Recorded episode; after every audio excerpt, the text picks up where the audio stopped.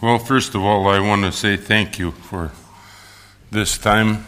I've been here many years now in a row, and I look forward to it all year long and savor the memories. It's, it's been a joy to get acquainted with many of you and to renew acquaintances um, this time. So I'm delighted to be back, and thank you for your kind hospitality. A Norwegian American always dreams of going back to Norway. and this is always the best way to find friends and to be part of a community. So I'm very grateful to you. Um, the period between roughly 1530 and 1580 is not a very attractive one.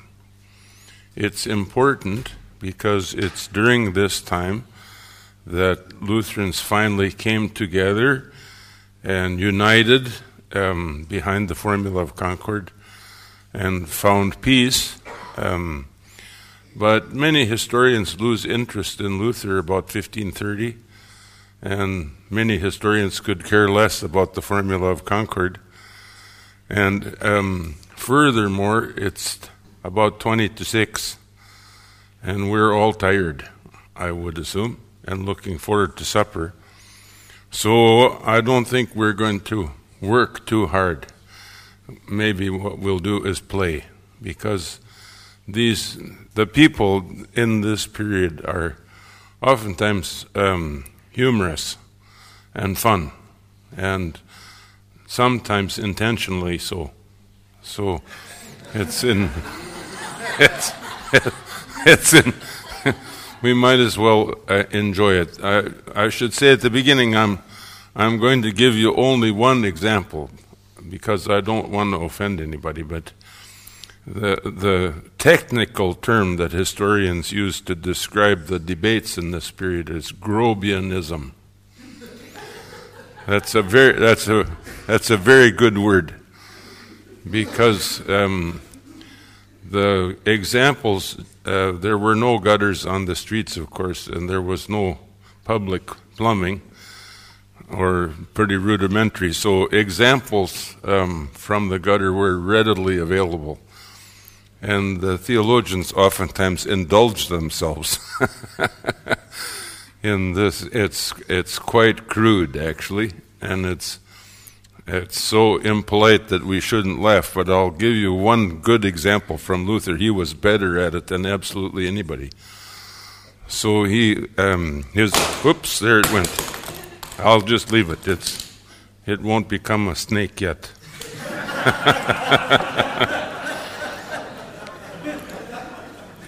so he was, uh, the, his prince in the late 1530s was. Uh, a drunkard. Um, he was uh, actually the elector of Saxony, but his main interest was alcohol, and usually it didn't get past nine o'clock in the morning before he was inebriated.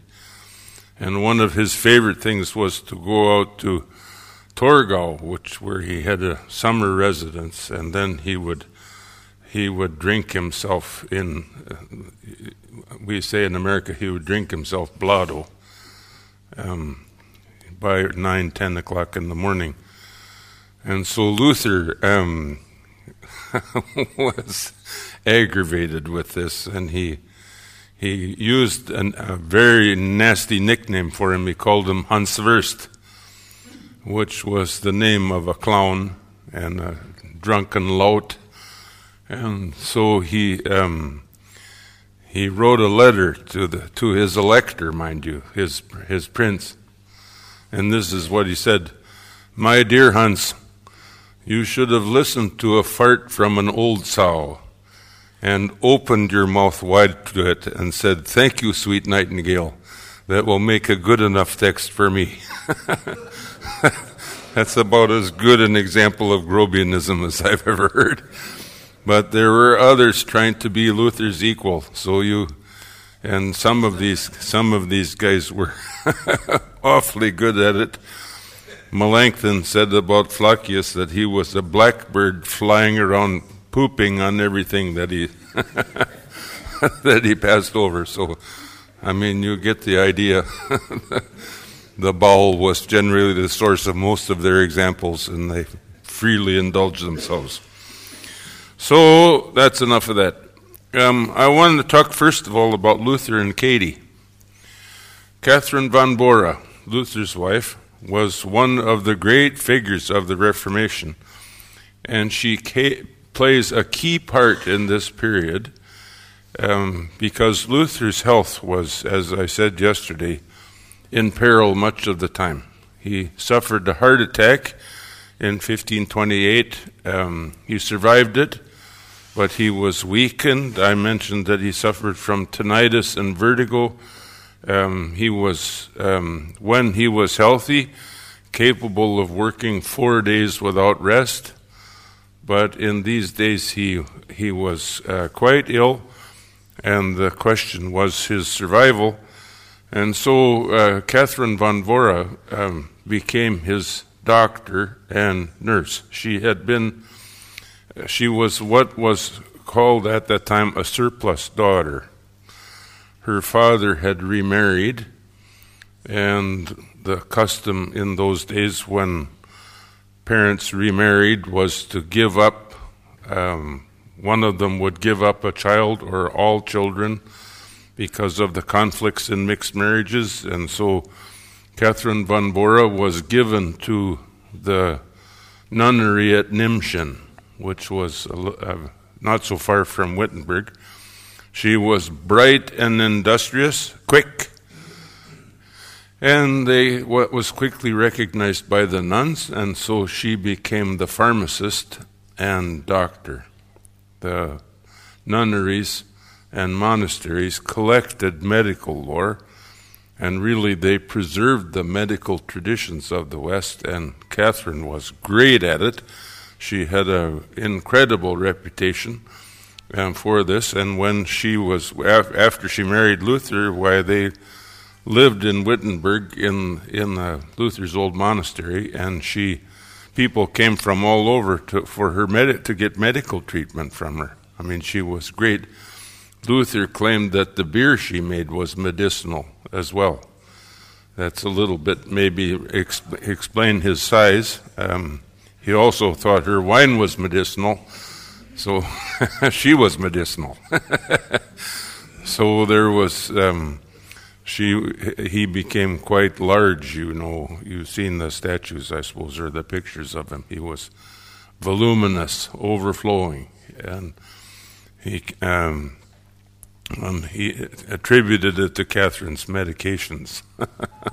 Not quite fair. But uh, Catherine was also a good theologian. She, uh, Luther challenged her to read the whole scripture and promised that he'd give her a gold medal if she did. Um, she never finished it, but she um, was thoroughly grounded in scripture, of course. Um, being with him, and he would talk theological problems over with her. Um, he was quite a bit more forward, and she would she would try to tame him back a little bit. That didn't always work so well, but they they were close, and they spoke of matters. Um, they raised six children. Of course, um, having children is a good way to discover the cross in your own house, huh? They lost two. Um, uh, one, a beautiful uh, daughter named Magdalena. You surely remember these stories where Luther's grief over his beloved daughter. This is really touching. And Catherine, of course, um, suffered e- e- even more so uh, with these deaths. Um, um, their six children um, uh, uh, learned um, what many preachers' children learn that the church can be a source of animosity and trouble. And so, um, uh, at least a couple of the kids became unbelievers, um, mainly because of what they saw in the parsonage. the way Luther and Catherine were treated by the church. You, you are familiar with this. We we have um, some very gifted preachers' kids in the States that won't go near the church after they leave home because they've they've had altogether too much of it. So um, there were disappointments, there was suffering, but there was also fidelity. And when when Luther started to get even more ill in the later 1530s and into the 40s, um, Catherine was right there looking after him. Um, when he went to, he, he was called over to um, uh, to Mag, not Magdeburg, but to Eisenach to settle a quarrel between feuding nobles. She hated this, um, that he was forever being called away, and and she was worried sick about the trip. And he wrote her a wonderful letter when he arrived in Eisenach. He said, Thanks to all your anxiety, a brick fell out of the building and hit and fell on the cart. If you would have worried a little bit more, I'm sure it would have hit me in the head. He said. but it turned out that trip was uh, his undoing. Uh, he suffered a heart attack that night, um, about 11 o'clock. Justus Jonas, one of his closest friends, with, was with him and tried to minister to him. Um, he survived until two um, when he died, and you remember this his last written words were Wir sind Bettler, hoc est verum, a combination of German and Latin. We are beggars, this is the truth. Uh, so his life ended. Catherine suffered even more afterwards um, when the Holy Roman Emperor brought his troops to put the Reformation to an end. Uh, he brought them right across Catherine's farm at Zulsdorf. She had become quite a prosperous and independent farmer. Um, she used her farm to supply um, food for all of the people that came to stay with them at their house. um, he, Luther called her Lord Catherine of Zulsdorf um, because of her goodness as a farmer. Um, but the troops came right across, the Spanish troops came right across her farm and uh, destroyed it. Uh, she was left poverty stricken and um, uh, died um, uh, with virtually nothing left um, because of all of the trouble.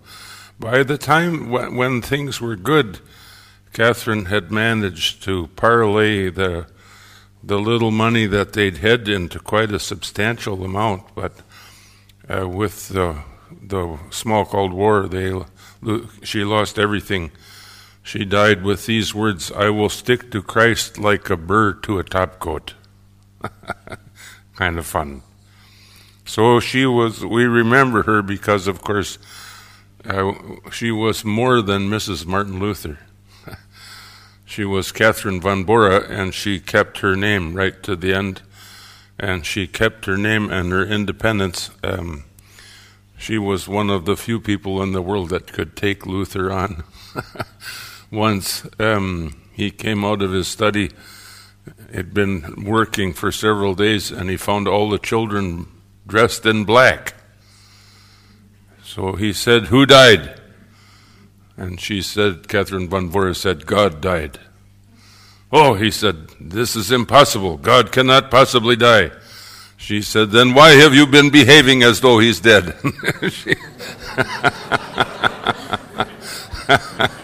he had to admit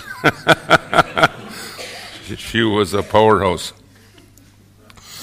There's another person that we oftentimes mention when we tell these stories, and of course it's because he played such a dramatically important part. His name is Philip Melanchthon. Um, M E L A N C H T H O N.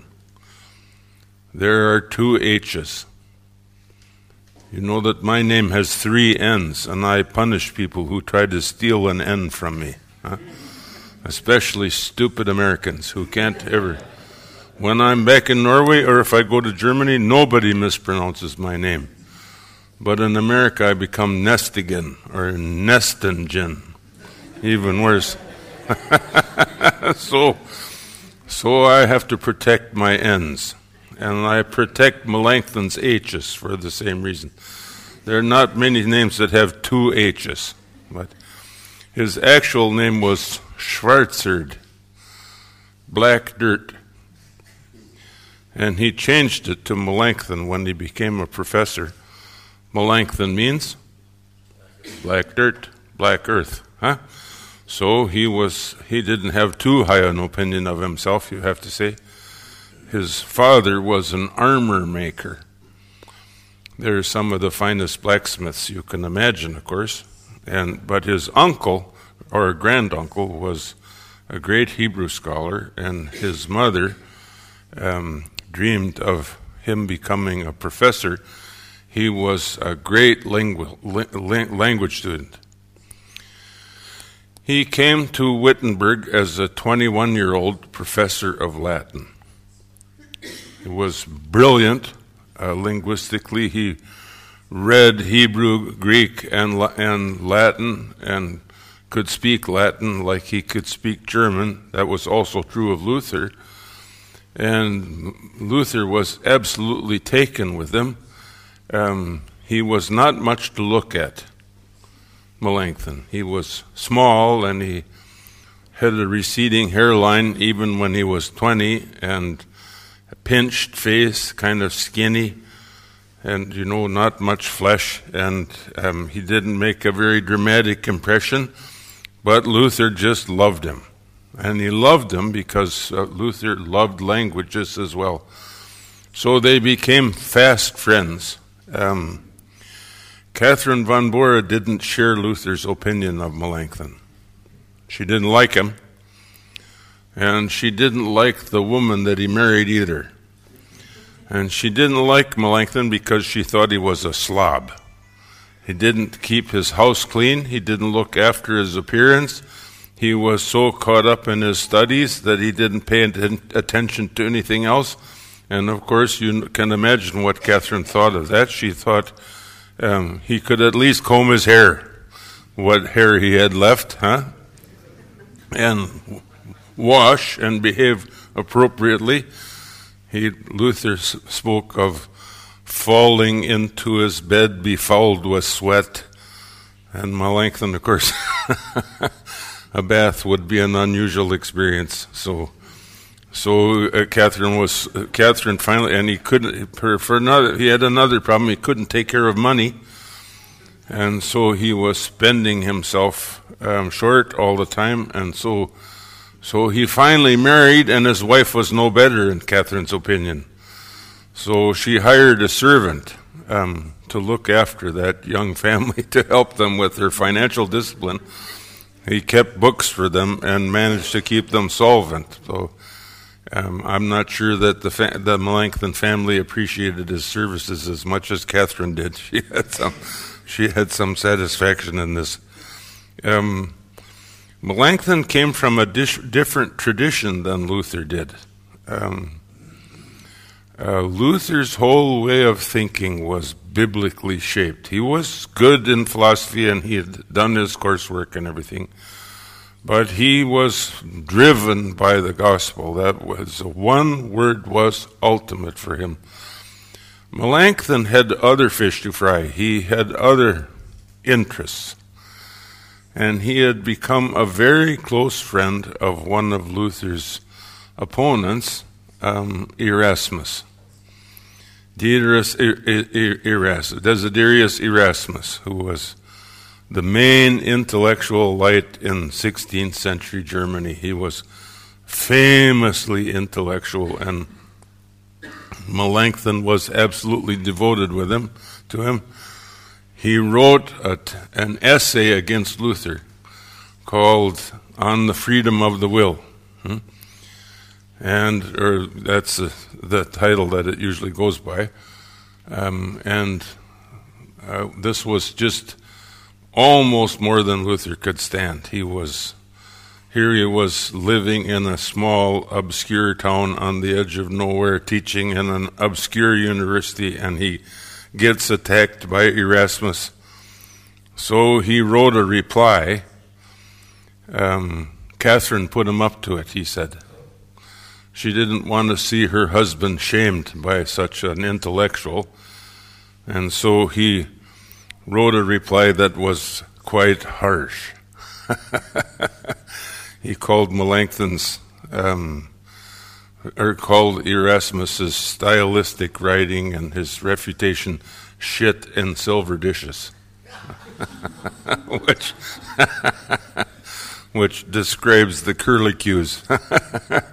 anyway, um, uh, Luther's reply was um, Erasmus thought he could get by with this. He, he underestimated Luther. When Luther wrote his reply, he took um, uh, Melanchthon's treatise apart sentence by sentence and just destroyed it. Um, Erasmus was scandalized. He spent the rest of his life writing a reply and did, never really finished it. Um, my doctor father at the University of Toronto swore up and down that he was the only one in the 20th century that ever read it. I mean, it languished in obscurity, but but he, um, uh, he he never did quite recover from Luther's attack. Erasmus was, or Melanchthon was very much embarrassed by it. Melanchthon disagreed with Luther at two points. Um, one, he was not, he didn't believe as emphatically as Luther did in Christ's real presence at the sacrament. And two, um, he disagreed about the bondage of the will. And so when Luther died in 1546, Melanchthon was asked to preach at his funeral. And in the course of his sermon, said there was one other thing he couldn't stand about Luther besides this stoic Manichaean deliria concerning the bondage of the will, he called it. I mean, that's not a very nice thing to do at a funeral, to start debating with the corpse. I mean, that doesn't make a lot of sense, but but Melanchthon wasn't going to miss the opportunity, and he, he, the other thing he hated, he said, was Luther's harsh manner of speech. That's forgivable. I mean, you know, if you lived with a guy that was so valuable and so incredibly gifted with with uh, profanity, you might get good and sick of it. So that people were willing to give him that, but they were not willing to uh, stand for his treatment of Luther theologically. And so there was uh, conflict, uh, lots of it. So um, Melanchthon, for those 13 years, 14 years, from 1546 until 15, 1560, when he finally died, was under nearly constant attack um, from people who were more loyal to Luther than he was, or who understood themselves to be more, to, more loyal to Luther. He complained, Melanchthon complained about the rabies of the theologians, which will give you an idea, and he he um, worked assiduously to try to make things work, but but finally, in the end, um, failed. Um, he's still, he was a great reformer academically. He reformed the German education system, and that held for 200 years, and he's very much remembered for his contributions, but the story of Melanchthon can't ever be told without these disappointments. Then let me mention um, Melanchthon's main opponent. This is one of the great figures in the history of the Reformation. He, he literally saved the Reformation in the eyes of some, but he was as Grobianistic as Luther. He, he, he, he never missed an opportunity to, to ridicule. His name was Matthias uh, Flacius, F A L A C I U S, Illyricus. That's a,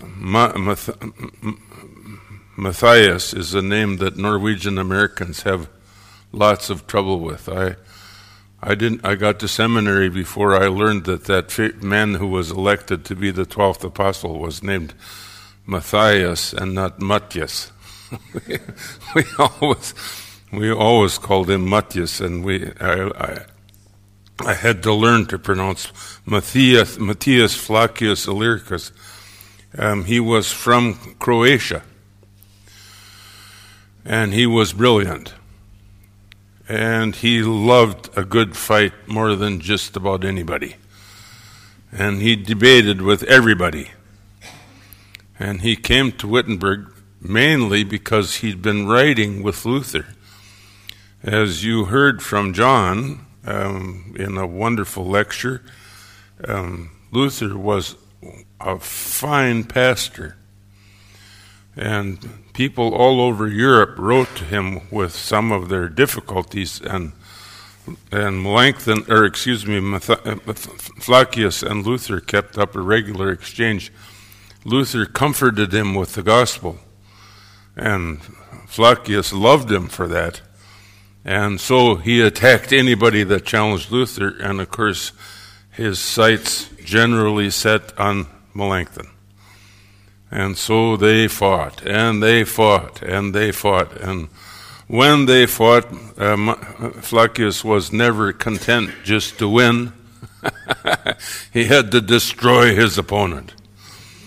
And Melanchthon compared, compared he, he wrote once to Flacius, I admit I was weak. I did not stand as I should.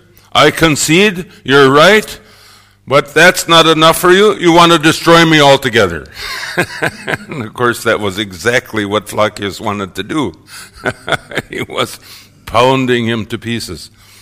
So he was uh, very colorful um, he once got in a fight with a man Vic- named Victorian Strigel, um, and Flacius wound up arguing that after the fall, the substance of the human is original sin itself. And that got him into a lot of trouble. Now Luther wasn't around to bail him out. And he got condemned as a heretic for his excesses in debate. But he was a lovable old codger anyway, huh? He was, among other things, a great musician. And some of you know um, the uh, one of the great pieces of music, um, um, great medieval, um, the Carmina Burana, uh, which there's been a contemporary um, publication of it.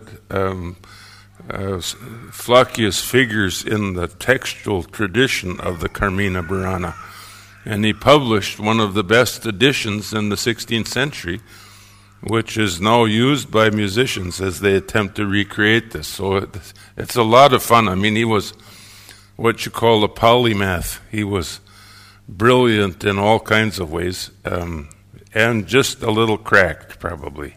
Um, but lots of fun. So he came to Wit- he came to Wittenberg in 1544 as a Hebrew teacher, and he stayed briefly, and then he got chased from one university to another by angry faculties running behind him, you know, to, to, punish him, and finally um, he was taken in in secret by some nuns in in um, Frankfurt where he died in 1575. So he's a, he's he's wonderful and lots of fun. You can't take all of that stuff so seriously, you know. I mean, it's it's just great. I once threatened to have a tattoo of Flacius put on my arm, and that offended the theological faculty at Luther Seminary mightily, which, well, of course, was my purpose. Uh, lots of fun. So um, then let let me just tell you about two more, and then we can go and eat, and we'll finish this recitation, huh? Um, there are two very famous people in this period who are responsible for the formula of concord. And um, as you hear, there was so much theological debate and it was so dis- dis- divisive that Lutheranism just about came apart under the strain. Um, would never spare anybody an overstatement. And of course, Luther loved to pound his opponents, and Melanchthon always liked to look polite while putting a shiv in underneath, you know. So um, they just about came apart altogether. Um, and the political leaders were getting real nervous about this. And so um, the political leaders took the initiative uh, to form a middling group of theologians to arbitrate the conflict. We remember two of them. There were two parties in those days. One was called the Gnesio Lutherans. They were led by Flacius, G N E I S I O, the original Lutherans and the other were called the Philippists, and they fought like mad. But now there was a, a middle party, um, and it was led by uh, people from both sides of the debate. One was a man named Jacob, or James Jacob Andreae, A N D R E A E. He was a Schwab from down in in uh, near Stuttgart. Um, he became a professor at the University of Tübingen and taught there, and he was um, one of the main people who sought to find peace.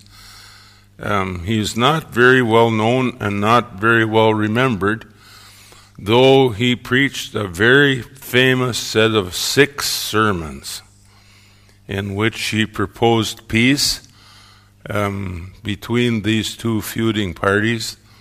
And in fact, his overture led to um, the uh, led to the peace. The other figure is better known. His name is Martin Chemnitz. Martin Chemnitz. Um, he came to Wittenberg in 1545 because Melanchthon was one of the most famous astrologers in the 16th century. Can you imagine? I love this. Huh? Luther was teaching the bondage of the will, and Melanchthon, who argued for the freedom of the will, was casting his charts every morning to see what instructions he would receive from the stars. And he was so famous as an astrologer that people would come to Wittenberg to study astrology with him.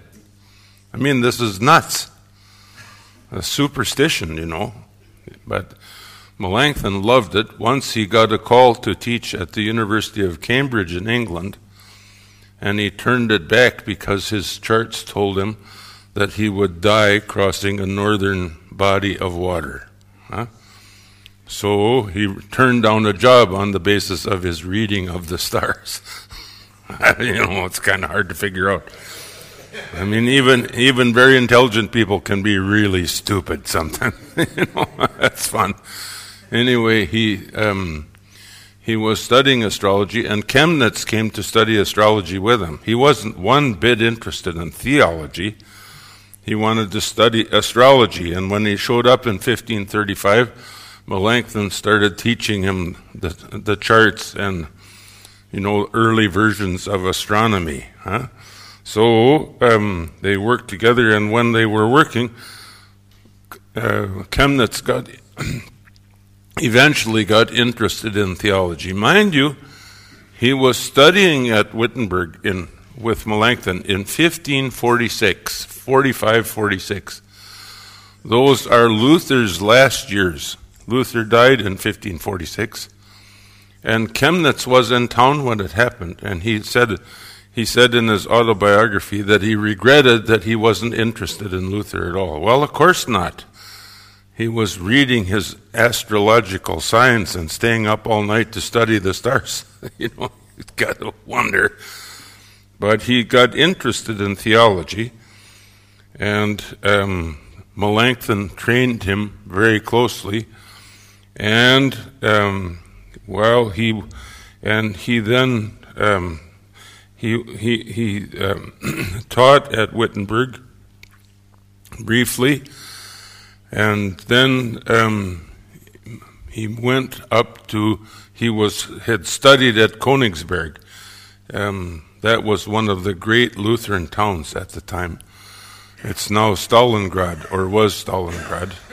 It's um, lost in the middle of nowhere, a prize the world that the Germans or that the Russians took from the Germans at the end of the Second World War, right in the corner under Latvia, um, and now I guess just an absolute wreck of a city, huh?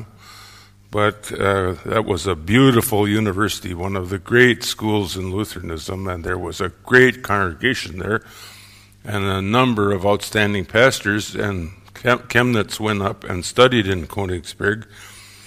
And eventually, from there, he migrated um, to Brunswick in the northern part of Germany, and he became the first librarian at Wolfenbüttel.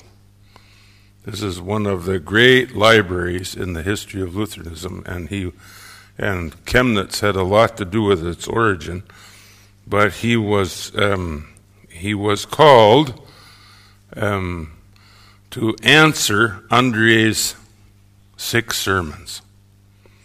He liked them, and so he, uh, Chemnitz and Andreae worked together to edit those sermons, and they became the basis of the Formula of Concord, which is very important to this period because it's the beginning of modern Lutheranism.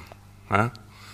Um, as I said the other day, um, Scandinavians have less of an investment in the Formula of Concord um, than the Missouri Synod does for certain, but it's still an important document and it's well worth paying attention to because it's a major source for one of the biggest churches and one of the most effective churches in Lutheranism. Is that enough? Are you hungry yet? Huh? I'm out of stories. Well, not really, but I'm out of stories I can tell. So